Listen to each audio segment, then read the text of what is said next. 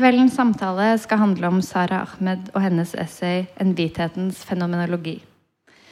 Det ble utgitt på norsk i 2021 eh, ved Cappelen Dam i essaysamlingen 'Gledesdrepende essays'.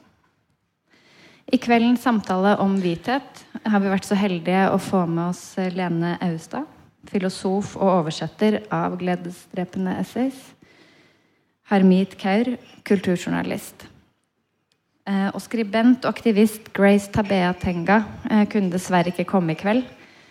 Men hun har skrevet et eh, tekstbidrag som skal leses av kveldens samtaleleder. Jeg kan ikke snu meg for langt uten at det er Regine. Så ja, vi begynner med det. Og så håper jeg dere koser dere masse i kveld.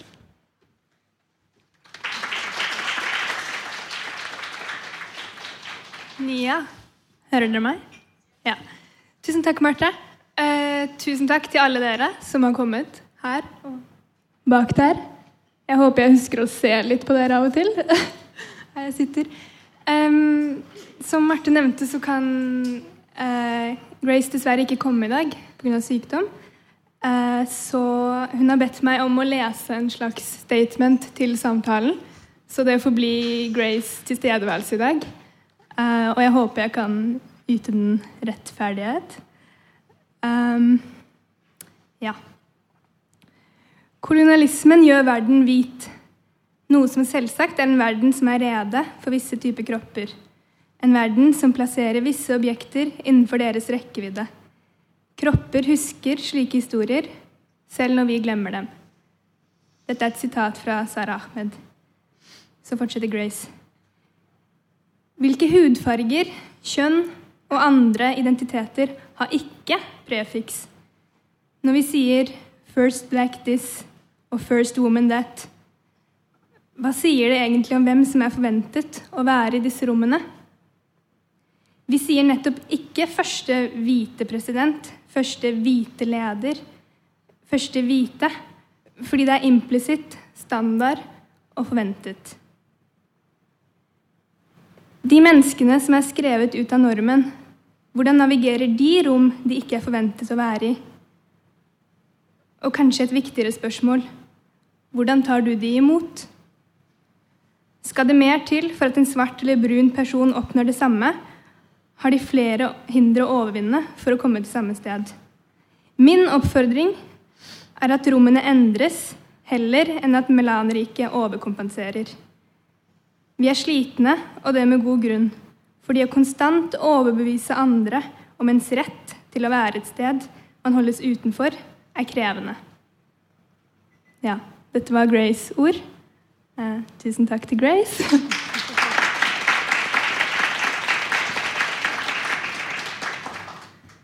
eh, og jeg syns det er en veldig god start på samtalen, selv om vi selvfølgelig veldig gjerne skulle hatt denne her. Eh, men jeg tenker at hun eh, sier noe om Kanskje til de som kommer hit i dag og tenker sånn hm, Hvorfor skal vi egentlig snakke om hvithet? Um, hva er det egentlig? Uh, ja, jeg syns Grace på en måte oppsummerte uh, det veldig godt i teksten sin. Uh, og jeg håper at vi får til å snakke om mye av det samme og andre ting i dag med dere. og jeg er veldig glad for å ha begge to her. Hermit og Lene. Så velkommen til dere. Takk. eh, som ble nevnt, så skal vi snakke om et essay eh, som er skrevet av Sara Ahmed. Eh, det ble jo utgitt på engelsk, eh, hun er britisk, men kom ut for første gang på norsk i fjor som En hvithetens fenomenologi. Uh, og så tenkte vi at det er kanskje ikke alle som vet hvem Sara Ahmed er. Fordi hun har jo på en måte akkurat entret den norske um, litteraturscenen på én måte. da, Hun har blitt utgitt på norsk. Uh, så jeg tenkte kanskje, Lene, uh, at du først kunne gi oss en liten introduksjon til Sara Ahmed. Hvem er hun? Ja Så Hører du meg? Så? Ja, ok. Så Sara Ahmed hun ble født i 1969 eh, av en engelsk mor og en pakistansk far i Storbritannia. Og så flyttet de til Australia, der hun vokste opp. Og så studerte hun engelsk litteratur i Wales og tok en doktorgrad i kritisk teori ved universitetet i Cardiff. Og deretter så var hun først ved universitetet eh, Women's Studies ved Lancaster universitet. Og så var hun professor og leder av Center for Feminist Research ved Goldsmiths. Og det er i Sør-London. Inntil hun i 2016 sa opp i protest mot ledelsens håndtering av varsler om seksuell trakassering. Og hun har faktisk utgitt hele elleve bøker. Hun har gitt veldig viktige bidrag til tenkning omkring affekter og rasisme, islamofobi, xenofobi, feminisme, queer-teori, om hvordan institusjoner virker. Og Ahmed lever sammen med en kvinne, og de har en hund.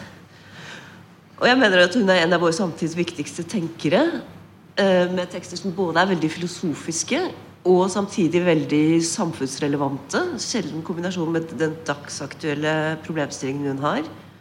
Og med den personlige virkningen hun har på temaene hun tar opp. Så, Ja. Ja. Tusen takk. Kanskje kan dere få den litt høyere, bare? litt høyere. Ja, jeg tror den er bedre. Um, og du har jo nå oversatt uh, tre av essayene hennes i Gledestrøp Neser. Um, jeg tenkte jeg ville spørre deg først um, hvordan var det å oversette Sara Ahmed? Eh, ja. Eh, det var veldig fint. Altså, jeg er veldig glad for det, fordi er, det er mye av hennes tanker som treffer ting jeg har jobbet med også. Og så syns jeg at hun er um, I tillegg til det jeg har nevnt, så er det veldig litterært fint. Og den måten hun på en måte leker med ord på, spiller med ord, og sporer begrepsopprinnelse til ehm, Ja. Og gjør poenger ut av det, som gjør det både både veldig spennende og utfordrende. Ja. Ja. Um, Ja, for jeg tenkte på det at det er en veldig sånn Da jeg leste Først da jeg leste essay på engelsk, det er på en måte fullt av, av ordspill, som du sier, og det er på en måte en, en krevende tekst. Det er fenomenologisk. Vi skal litt inn på hva fenomenologi er etterpå. Men det er kanskje ikke den, den enkleste teksten å oversette. Så det var ja, jeg tenkte en veldig interessant opplevelse det var verdt på en måte, å, å prøve å gi det en norsk språkdrakt. ja. Så det syns jeg du gjorde veldig bra også. det må jeg si. Eh, og så lurte jeg litt på, Hermit Du har jo skrevet avhandling om masteravhandling om rasisme og selvforståelse. Og da har du brukt Sara Ahmed en del, eh, og spesielt den hvithetens fenomenologi. Um, hvorfor valgte du å ta utgangspunkt i bl.a. hennes verk? Eller hennes eh, konsept? Eh, ja, jeg har jo skrevet en masteroppgave om, ja, om selvforståelse og norskhet. Eh, og jeg har snakket med seks individer, eh, etniske minoriteter, eller rasifiserte, som jeg kaller det i oppgaven. Eh, og bruker også fenomenologisk metode, som ja, vi kommer inn på etterpå, men som kort sagt er å ta utgangspunkt i eh, en persons subjektive erfaring som en sannhet eh, for livet og virkeligheten. Så Ahmed eh, tar jo den fenomenologiske tradisjonen som tar utgangspunkt i kroppen, videre eh, ved å også blande inn rase eh, og rasisme Eller liksom rase som en opplevd eh, Noe som oppleves på kroppen og av å bære en kropp rundt i verden. Og jeg syns at det kom veldig godt fram i intervjuene jeg gjorde. At eh, eh, folk opplevde rasisme, eller opplever rasisme med kroppene sine. At de kan føle en distanse til det som skjer fordi man ikke skjønner helt hvilken kropp man er, men så blir man liksom påminnet hvordan kroppen ses i verden. Og det syns jeg Ahmed gjør veldig godt, så det passet godt inn. Mm. Ja. ja, du har vært litt inne på det allerede. Um, fenomenologien handler på en måte om den subjektive erfaringen, men så ofte når vi snakker om hva, hva fenomenologi er, så, eller snakker om fenomenologi, så er folk sånn ja, Hva er det egentlig? Uh, og da tenkte jeg kanskje Lene Fins det noen god forklaring på hva, hva er fenomenologi? Hva, hva er denne metoden som Ahmed bruker? Uh, ja, jeg kan prøve, så å si. Altså, jeg tenker først og fremst Fenomenologi betyr læren om fenomener. Så man tenker først og fremst på Emund Husserl, tradisjonen etter ham, i moderne tenkning. Og det handler om å sette til side fordommer, forantagelser. Og prøve å beskrive hvordan objektene virker på meg. og beskrive det sånn, uh, Den rene erfaringen av objektene. Og deretter på en måte gå bakenfor det igjen og si altså, hva, hva ved Hvilke forutsetninger er det for at jeg erfarer dem på den måten? Og Ahmed, som Hermet også nevnte, driver på en måte ikke med tradisjonell fenomenologi. Hun har litt sin egen tvist på det. Hvordan er hun annerledes enn en kanskje de mer ja, standard utgavene da, av fenomenologi som, som Høssel f.eks. drev med? Det er, det er, jeg får kanskje nevne at En annen som er i bakgrunnen her, det er jo Frans Fanon, som hun også siterer og viser til, som hun henter noe fra i beskrivelsen av hvordan altså, Det å bli stoppet, det å bli gjort til objekt, det å bli sett utenfra, det å fryse i det og dermed bli um, Men det er jo ja, slående hvordan hun, hun, har sin beskrivelse av Hussel som sitter der ved skrivebordet i sin verden, og det er hans verden som den hvite mannen, filosofen, det er hans skrivebord. Og i bakgrunnen er det noe litt sånn barn og familie og sånn og hun går, går, videre fra det å på en måte vise mye mer eh, kanskje sosiale, samfunnsmessige forutsetningene. Hvordan eh, det å være filosof er, altså, det er en hvit manns posisjon. Og familien de kan være der i bakgrunnen som noe sånn som noen andre tar seg av, som han ikke trenger å uh, forstyrre seg med. Det, um, ja, og så, så, nevnes det etter hvert altså, at han til slutt mister sitt sete fordi han var jødisk og kommer med Nazi-Tyskland. Men det er, også, det er også et eksempel på hennes på en måte det konkrete. Vi snakker om det å ha et sete. og Det var også litt problem med oversettelse. altså Chair på engelsk det er jo en stillingsbetegnelse også, men så er det det å ha altså det, jeg tenker det helt fysisk. Vi har et sted å sitte her i verden. Vi er ikke henvist til å sitte på gulvet eller Um, ja, vi har en plass. Ja, vi har en plass.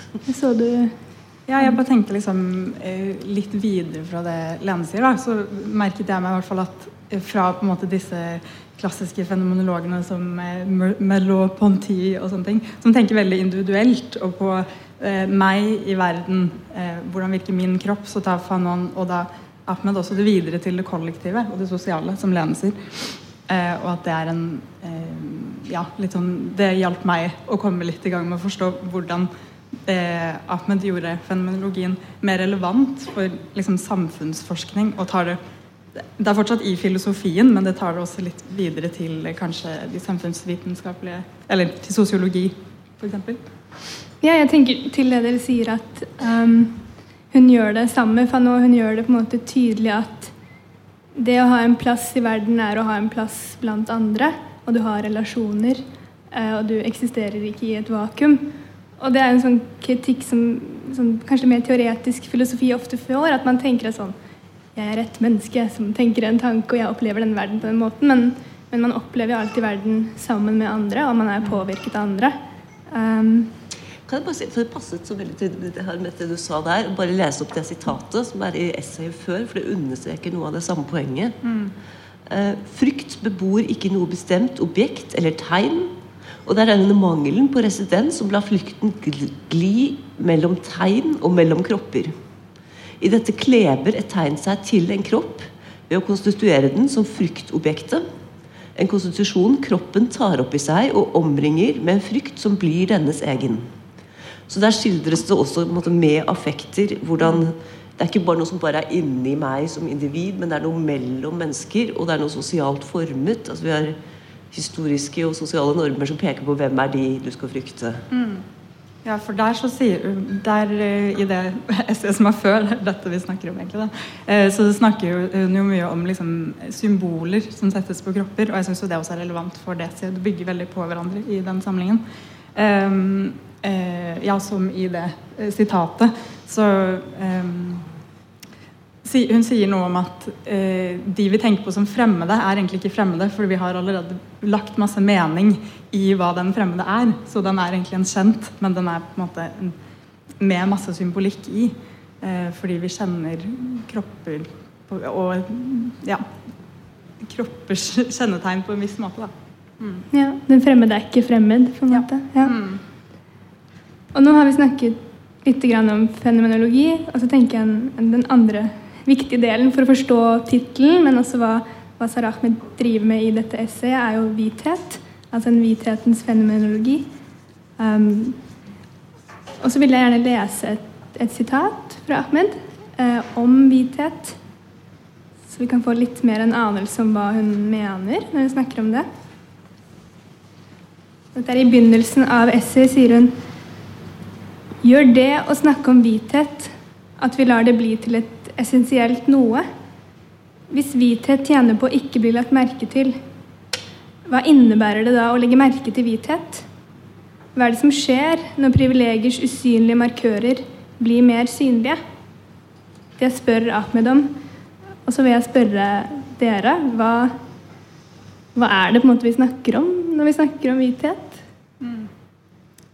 Skal jeg begynne? Uh, ja, jeg vet ikke. Jeg tror jo Eller den der følelsen mange kan få av å bli kalt hvit, og liksom å bli eh, påminnet at man ja, er hvit. At det liksom kan oppleves som en fornærmelse. Men så er jo det på en måte bare å bli påminnet på det som er usynlig.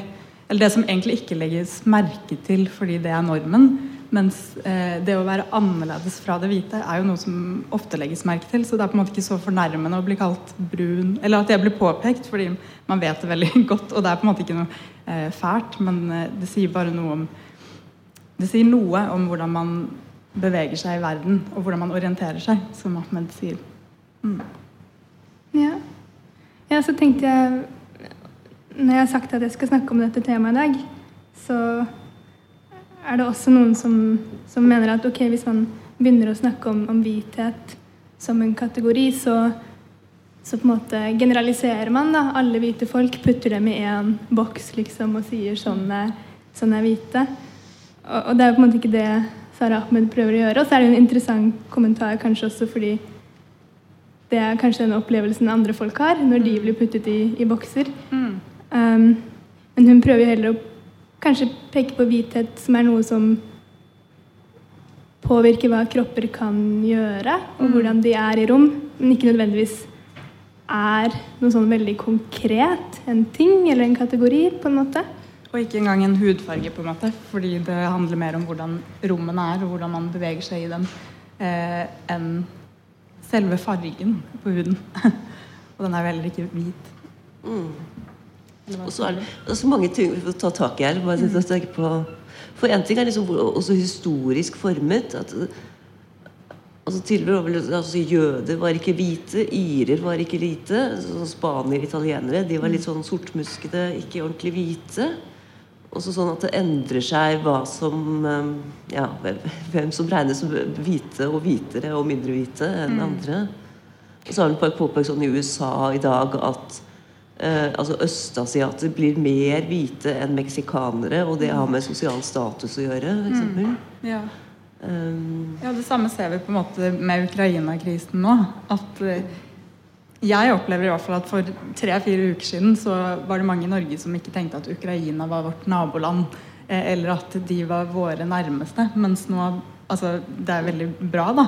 Kan, men det at man liksom legger noen i den kategorien i at de er nærme og ikke fremmede, gjør at vi har et ansvar overfor dem, og at vi skal passe på dem. Eh, mens når de mm. er fremmede, så har vi ikke det ansvaret, da. Ja, for det er vel også en ting med altså, vesteuropeisk rasisme overfor østeuropeere. Mm. Som er er jo egentlig en greie, men det er liksom litt borte akkurat ja, det er litt borte akkurat nå. Men det er jo fint hvis man bare kan fjerne det sånn. Ja, og det, det, kommer vi også litt tilbake til senere i samtalen. Hva som har skjedd på en måte i den diskursen om, om flyktninger fra Ukraina versus flyktninger fra andre steder. Um, jeg tenkte vi kunne snakke litt mer. Dere nevner at hvithet er på en måte noe, noe kulturelt, men også noe historisk. Uh, og Ahmed nevner også at hun sier et sted at, at hvithet er en pågående og ufullendt historie. Um, har, noen, har, dere noen tanker rundt hva hun mener om det? Eller mener med det, mener jeg.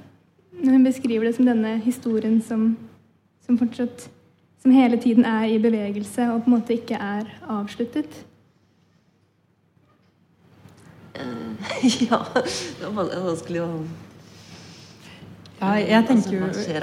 Ja, ja, jeg vet ikke, jeg tenker jo at det starter jo med at uh, at hudfarge i det hele tatt blir en greie. liksom At det har, har, noe å si. Og ikke bare hudfarge, da, men fenotype. Altså liksom hår og ansiktstrekk og sånne ting. Um, det, og det intensiveres jo liksom med europeisk imperialisme og kolonialisme. Og det er jo på en måte Det er jo i etterdønningen av det vi lever i dag. Og jeg syns det, det, det er jo naivt å tenke at vi ikke arver noe kulturelt av historien eh, som har vart lenge, men ikke, liksom, ikke, lenge nok til at vi ikke kan fjerne oss fra det igjen. At det er ikke noe som er naturlig. At, det er kanskje naturlig at mennesker deler seg inn i oss og dem, men det er ikke naturlig at vi deler oss inn i de oss og demene som finnes nå. Og eh, i det vi lever altså fra, Vi har gått fra liksom, eh, stammesamfunn til et internasjonalt samfunn. Og vi lever fortsatt på alle de nivåene. Og hvis vi kan utvide oss så mye, så tror jeg også vi kan utvide det også ganske mye mer enn det vi har i dag. Og det tror jeg er, det er en ikke-endt historie. Da. Det, og det er jo på en måte også et håp i de samtalene om rasisme og sexisme og generelt eh, i at eh, den er ikke over. og vi har jo beveget oss veldig langt fra den historiens begynnelse, på en måte. Så vi kan ennå Så lenge vi kan innse hva historien er, og se hva den har ført oss til, så kan vi også bevege oss videre. Jeg kom på et, et, annet poeng jeg kan nevne fra en annen, som er Farah Dalal, som er gruppeanalytiker, egentlig, men ganske filosofisk. Mm. Så opprinnelig indisk, men deretter britisk. Um, som gjør det poenget om ordene hvit og svart i språket. Um, at det er med korstogene i middelalderen at det, måtte altså, altså, Allerede fra Bibelen så har man noen sånne ord altså hvit, med, hvit, og lys knyttet til noen positive betydninger. Svart og mørk knyttet til noen negative betydninger. Men det er ikke på mennesker altså Det blir ikke brukt på mennesker. Man kaller ikke mennesker hvite og svarte på den måten. Men fra korstogene så blir det festet til mennesker, Og så blir det polarisert mot seg til de, de gode, hvite kristne. Mm og de onde, mørke andre som er hedninger. Altså. For det er jo også alltid et poeng at det, måte, eh, disse kategoriene og Derfor er det også viktig å snakke om hvithet, fordi disse kategoriene blir alltid sånn motsetninger. Så hvis vi snakker om svarthet eller om rasisme, men ikke snakker om hvithet, så blir liksom den delen usynlig. Men de bygger jo på hverandre. De, den ene finnes på en måte ikke uten den andre. da. Mm. Mm. Ja. Mm. Og derfor er det jo, ja, som du sier, veldig viktig at at man på en måte snakker om, om, disse temaene. Jeg hadde tenkt også å spørre Grace om det, faktisk. Fordi hun, hun skrev, eller hun sa i et intervju um, at uh, hvitheten av mange oppleves som usynlig. Og, og, særlig for de som passer inn og ikke stikker seg ut i, i hvite rom. Um, men at vi på en måte må tørre å stå i det ubehaget og snakke om hvithet om dette usynlige. Mm. Fordi det er nettopp derfor den blir så kraftig. Og det er derfor det er så vanskelig å gjøre noe med det. Fordi man, man på en måte ikke tør å si noe om det. At man er redd for at det skal bli ja, en, en, en ting som, som, på en måte tar for mye plass. Mm. Um, skulle jeg egentlig spørre Grace om hun kunne si litt mer om det. Men jeg kan kanskje komme med et eksempel. For jeg bare kom på mens du snakket eh, fra masteroppgaven min, og fra en informant som snakker om hvordan hun opplever mm, at hver gang hun Eller hun eh, er i en jobb eh, og har opplevd flere ganger, også i barndommen, på barneskolen og sånne ting, at, og hun er en svart kvinne, at hun virker aggressiv. At folk er sånn ja, men 'Hvorfor er du så aggressiv?' Og så er det sånn Jeg er jo ikke aggressiv, liksom. Jeg sier kanskje det jeg mener, men altså, egentlig ikke det engang. Hun er litt sjenert. Hun fremstår i hvert fall for meg som ganske sånn sjenert. Hun syns det er litt vanskelig å snakke om dette. Eh, og så sier hun at det var en gang en eh, person som hadde startet, en ny kollega da, som bare hadde jobbet der i to uker. Hun hadde egentlig ikke snakket med henne. Så klarte hun også etter to uker å spørre ja, liksom, at syntes hun var litt skummel. Og hun, ble liksom bare sånn ja, men Hvorfor syns du jeg er skummel? liksom? Hva er det som ligger i det at folk syns at jeg er skummel? Og hun er en liten eh, dame, liksom. Eller sånn, det, er ikke noe, det er ikke noe sånn tydelig, tradisjonelt skummelt ved henne. Uh, uh, ja, så det er liksom et eksempel av hvordan man kan føle seg som en fremmed i et rom fordi folk opplever deg som noen symboler, kanskje. Noen stereotypier som du ikke vedkjenner jeg. Mm. Ja, jeg vil litt tilbake til de, de rommene, kanskje. Mm. Som jeg tenker er en litt sånn ja, Noe av det jeg kanskje tar mest fra, fra Sara Ahmeds akkurat dette essayet, hvordan hun snakker om, om hvite rom og, og, kropper som beveger seg i rom. og og rom som også former seg rundt kropper. At, at kropper kan, måte, Noen kropper kan eksistere i rom som, som antar deres form, mens, mens, andre kropper måte, skiller seg ut uh, og passer ikke inn i disse rommene. Og så diskuterte vi litt på, uh, på forhånd. Jeg tenkte liksom at på en måte var det en metafor. Og tenkte sånn, hm, Er det en nyttig metafor for å snakke om strukturell rasisme f.eks.? Og så sa jo dere to at nei, men det er jo ganske konkret. Mm det, jo, det, handler jo om rom som vi er i. Det handler om kropper som vi har. Um, har du lyst til å si litt mer kanskje om ja, hvilket bidrag måte, dette kan være til altså, denne type fenomenologi kan være til mer konkrete debatter om rasisme? Kan jeg si Jeg vet ikke om jeg har helt et svar på spørsmålet, men um, Jeg mistet tak i det jo, for jeg tenkte med det angående med hvithet og med disse rommene og, og, og, skildringen av det å kunne henholdsvis kunne gli og synke inn for dette rommet. Dette er til for meg, så å si. Versus det å på en måte stå ut og stikke ut og ikke passe inn. Um, så, så, tenkte jeg på, liksom, på, på hvor mange hvite er det som kommer for å høre på i dag. Måte, og hvordan oppleves det som en hvit leser å sitte og lese det kapitlet om hvithet. Mm. Um, og jeg tenkte også på sånn når jeg oversetter, hvordan posisjonerer jeg meg i forhold til det jeg leser. Um, og jeg håper på en måte at det er noen erfaringer som kan overføres på andre typer erfaringer. Så jeg, jeg, kjente igjen mye fra det å være sånn kvinne på filosofi i et veldig mannsdominert miljø. At jeg måtte på en måte stå ut på og få liksom beskjed om at mm. hei, du, du, burde ikke være her, egentlig. Mm. Og det har vært utlending mye å få liksom, beskjed på Eller ja. Um, så jeg på sånn annet eksempler det er mer å bli stoppet av Politiet stopper deg og sier 'hei, du, hva gjør du her?' Mm. Eller passkontrolløren som liksom hm, hva mm.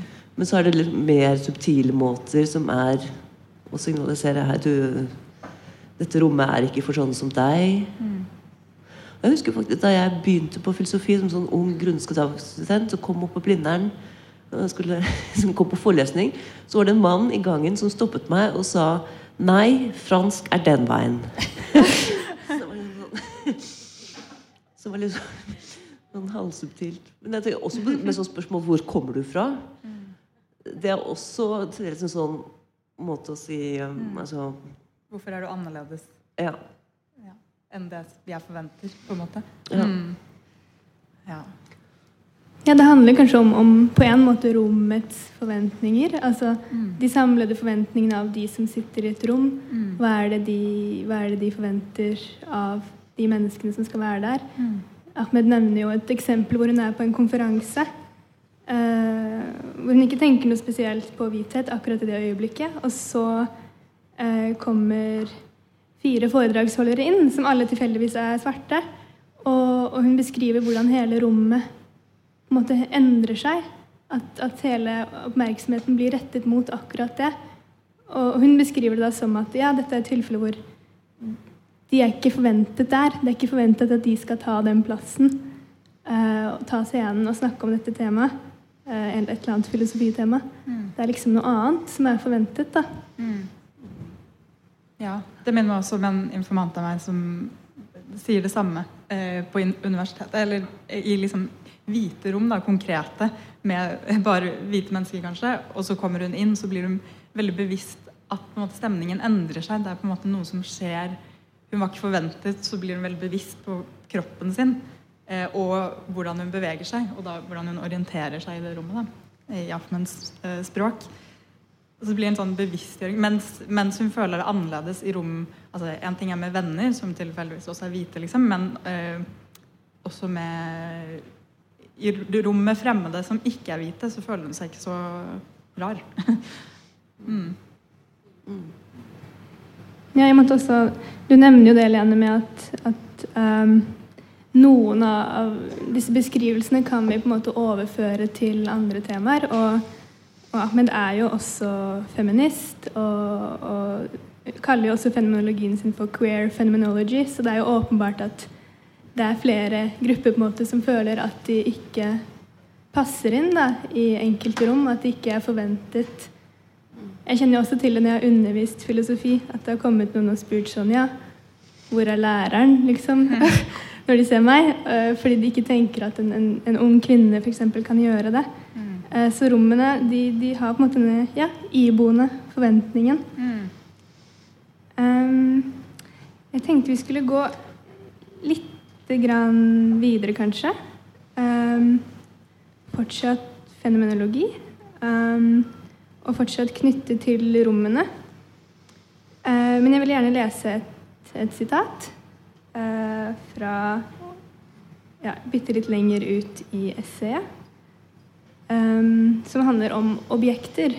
Så får vi se om vi får funnet ut hva disse objektene er liksom i vår ekte verden. Men først sitatet. Uh, det du kommer i kontakt med, er formet av det du gjør. Kropper er orientert når de er opptatt i tid og rom. Kropper blir formet av denne kontakten. Det som kommer nær, er både formet av det kropper gjør, og i, neste, og i neste hånd former det hva kropper kan gjøre.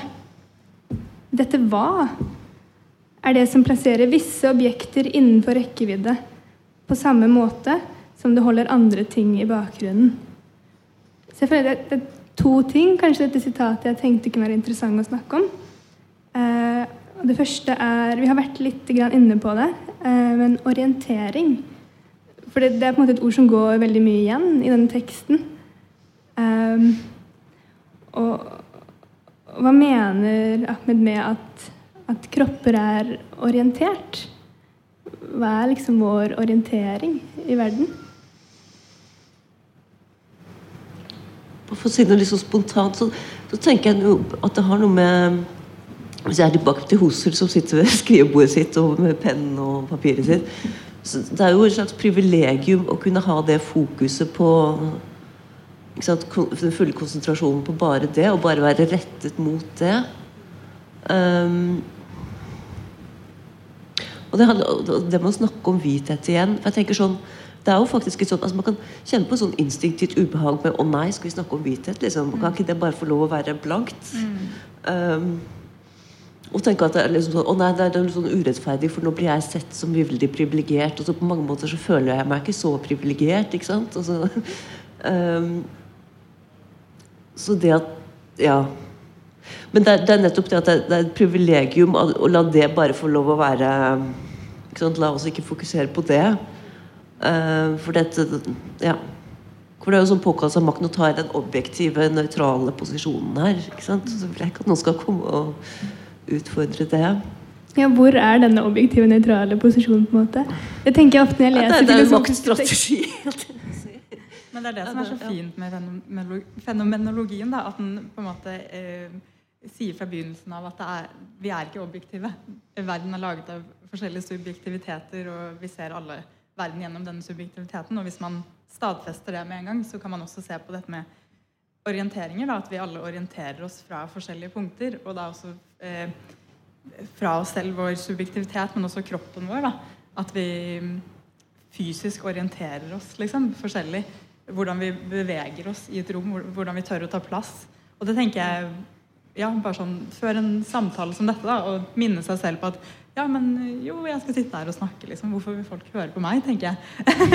men så minner jeg meg selv på at jeg tror, ikke, jeg tror ikke det er så mange menn som tenker sånn. Eller at liksom sånn Da må man på en måte ta den da må man liksom kjempe seg til å liksom sånn Jo, ok, ja da, greit, jeg skal ta den plassen, selv om jeg egentlig på en måte Jeg vet ikke om jeg vil, men hvis jeg gjør det, så liker jeg jo det. For å være helt um, ærlig. Eller liksom om det der ubehaget med å ja, være en kropp som på en måte blir lært opp og vant til noe, og så skal man liksom utfordre det.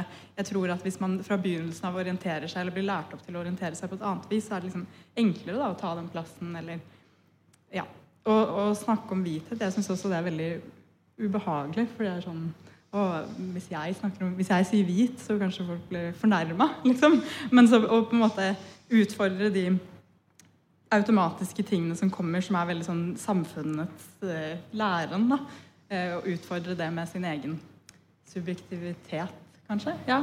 ja man må liksom utfordre sin egen orientering. Da. Det er kanskje den automatiske måten man blir lært opp til å bevege kroppen sin i verden.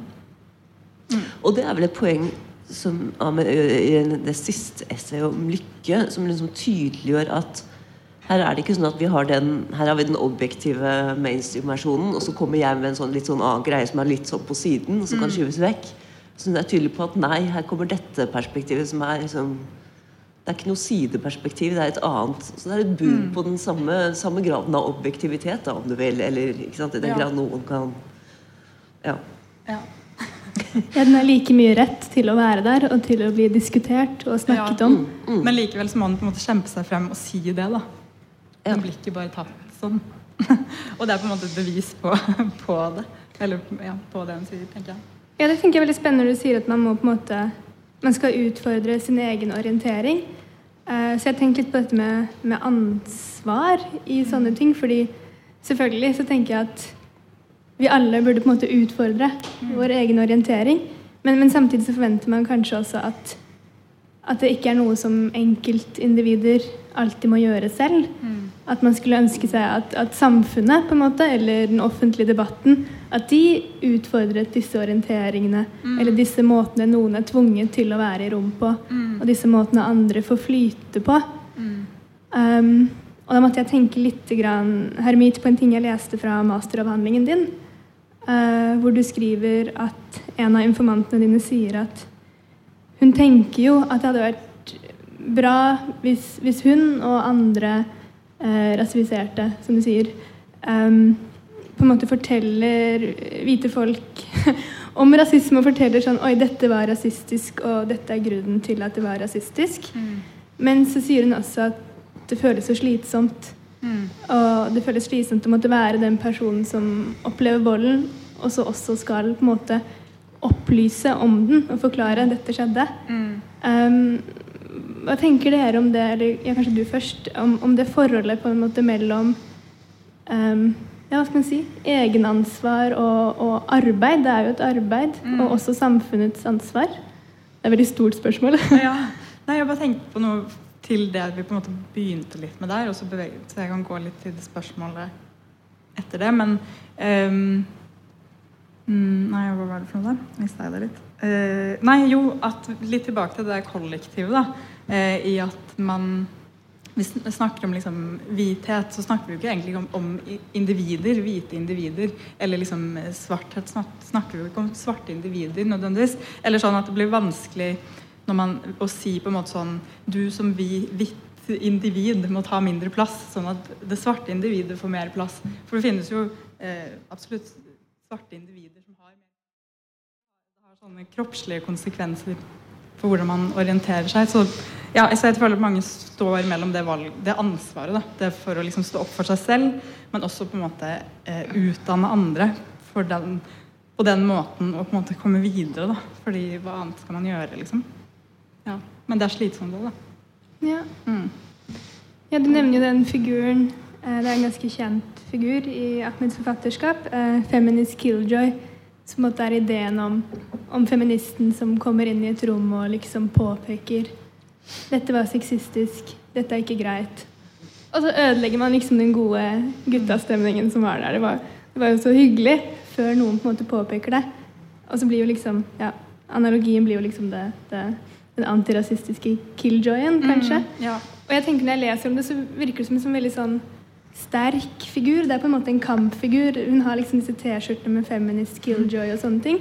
Men, men, så er det jo også, som du beskriver, det er jo en, en sårbar figur også. Mm. For man er jo tvunget til å bruke Ut ifra sin egen smerte og sin egen opplevelse mm. må man ta den kampen, da. Ja. Som er tung å ta, sikkert. Ja, og så får man skylden for noe som egentlig Hvis det er noe som Sånn som hun bruker jo et eksempel med det feminist killjoy.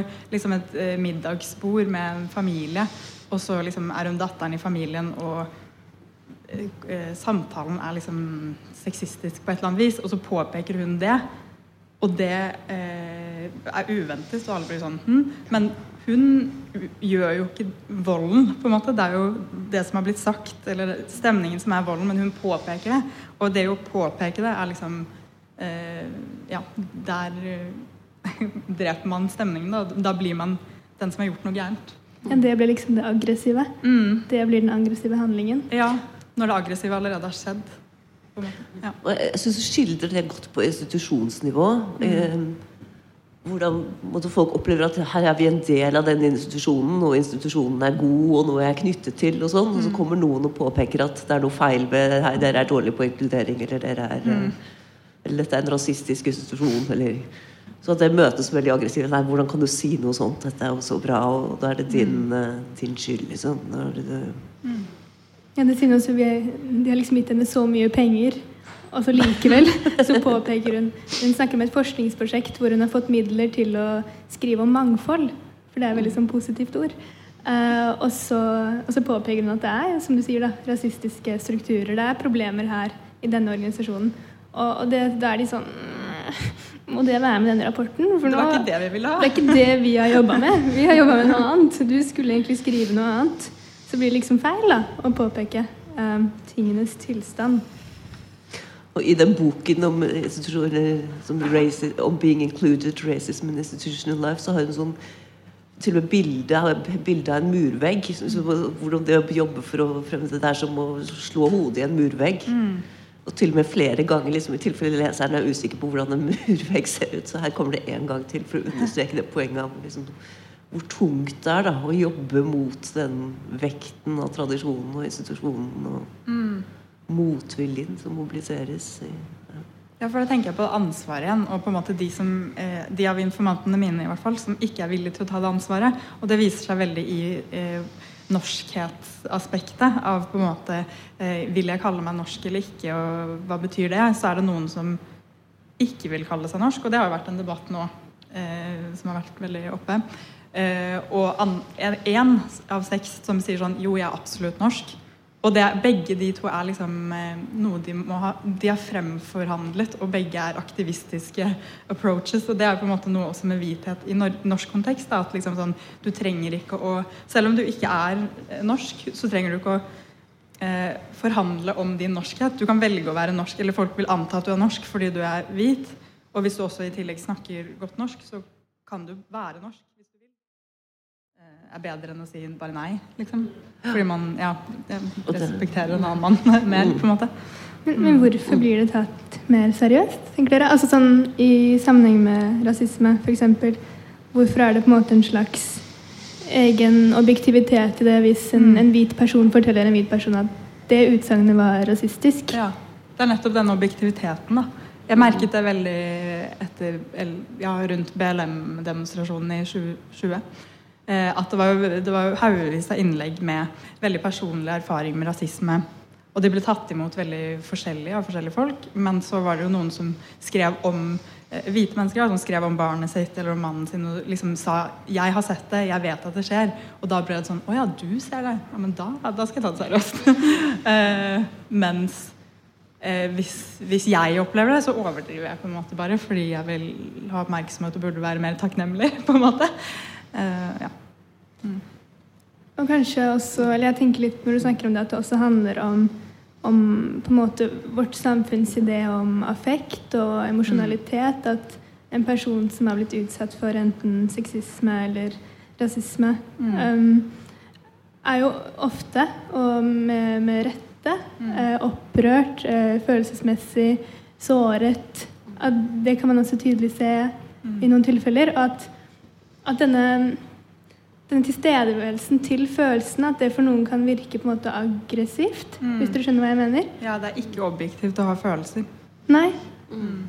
Hvorfor er det ikke det? Det er et veldig stort spørsmål, men eh, veldig interessant ja, men egentlig er det et viktig sånn epistemologisk poeng at den følelsen kan være en persepsjon av noe andre ikke har sett. Ikke sant? Det er nettopp det som lar ja. Ja, det kan være en innsikt, liksom. Eller det Ja. er jo ofte det. Mm. Ja. Og det kan vi jo knytte veldig bra til det vi var inne på tidligere, med dette med at Ahmed fokuserer på, eller fenomenologien, da, for så vidt, på det subjektive eh, standpunktet og på et, altså våre ulike ståsteder i verden. Og de ulike ståstedene er jo også emosjonelle av og til. Og de er også preget av effekt og ting som skjer, på en måte. Og det er, veldig, det er jo på en måte umulig å, å komme seg opp på et sånt objektivt nivå hvor man har fugleperspektiv. Ja, det finnes jo ikke. Det er jo jeg, derfor, jeg, liksom, derfor er jeg enig med fenomenologien i at det, det, er- det er umulig å oppnå. Eller altså, altså Til en viss grad så kan man på en måte sette seg selv ut, men man kan jo ikke det. Man kan ikke se hvilke, hvilke blindfolds man selv har. Ja.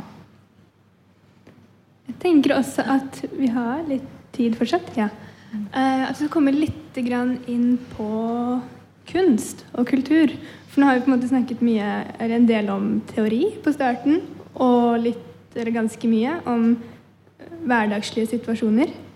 Um, men så syns jeg altså det er interessant å, å knytte litt mer kanskje til ja, norsk, men også internasjonalt kulturliv. Um, og Grace er jo, som kanskje noen vet, eh, kritiker. Så vi hadde en del altså kritiker av bl.a. dans og teater og sånne ting. Så vi hadde en del spørsmål til henne. Men jeg tenker at um, vi kan likevel snakke litt generelt om det, vi også.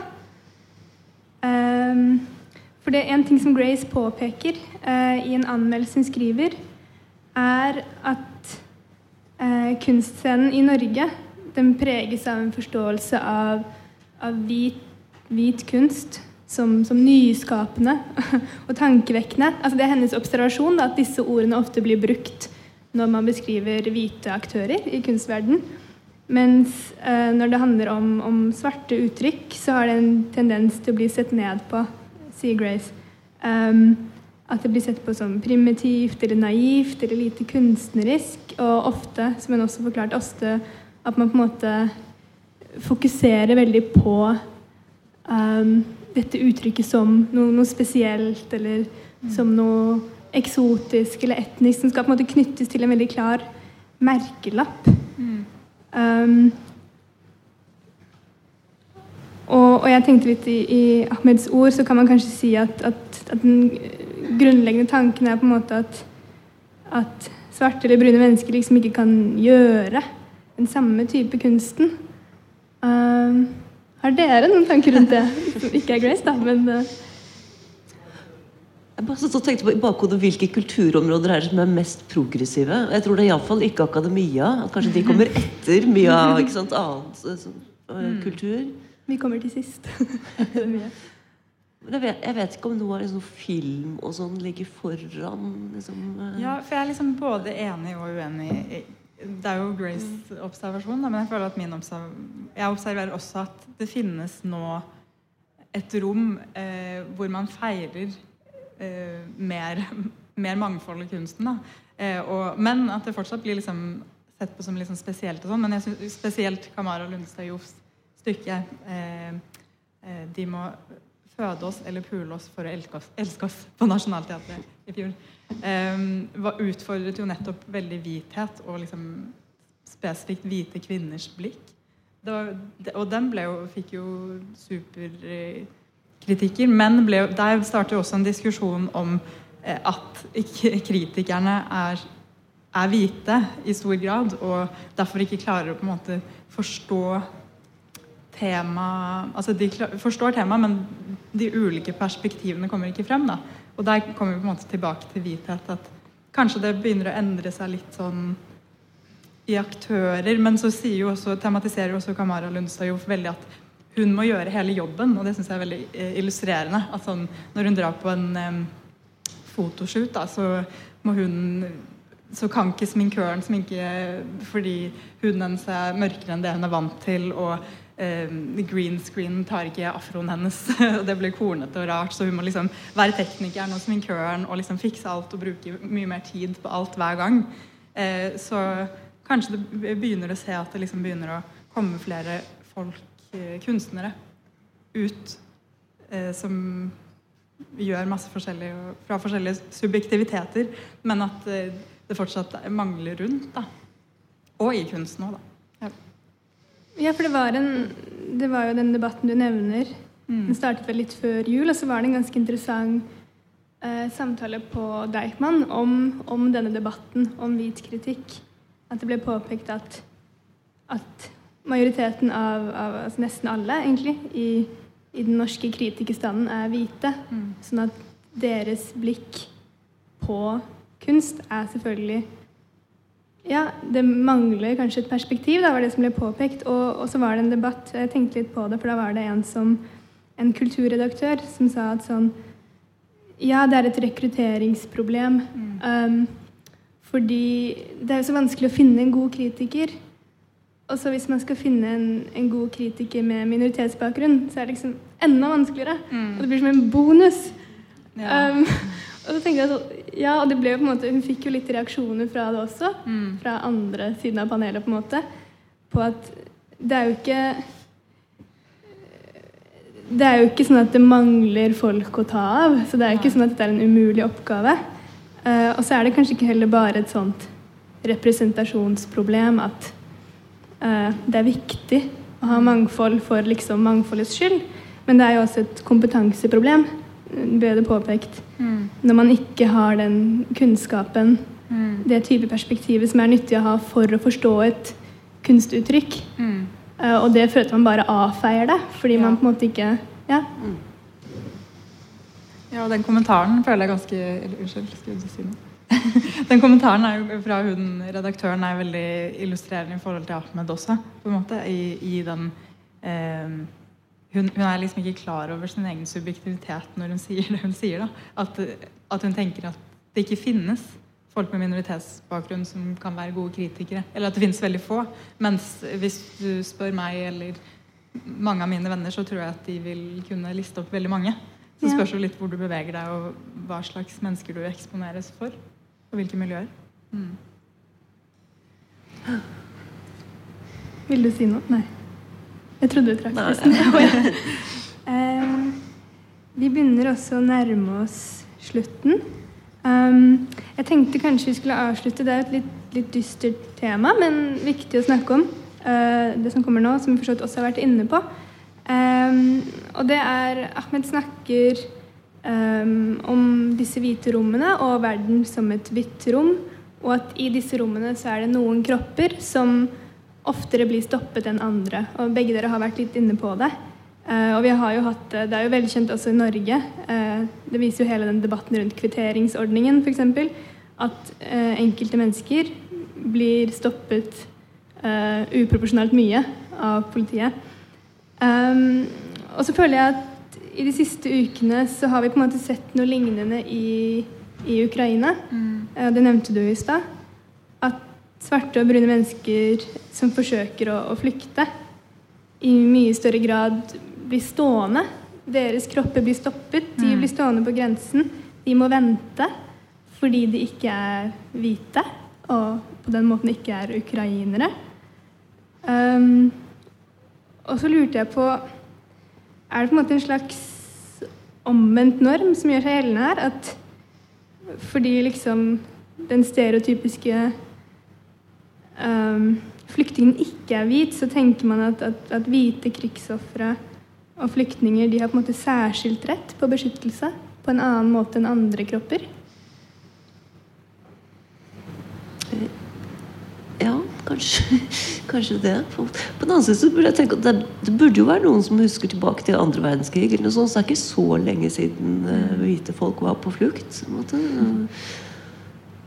Og til og med flykte til, eh, altså fra Europa til India og Afrika og eh, Ja, men det er liksom ikke så lang hukommelse på ting. Eller sånn.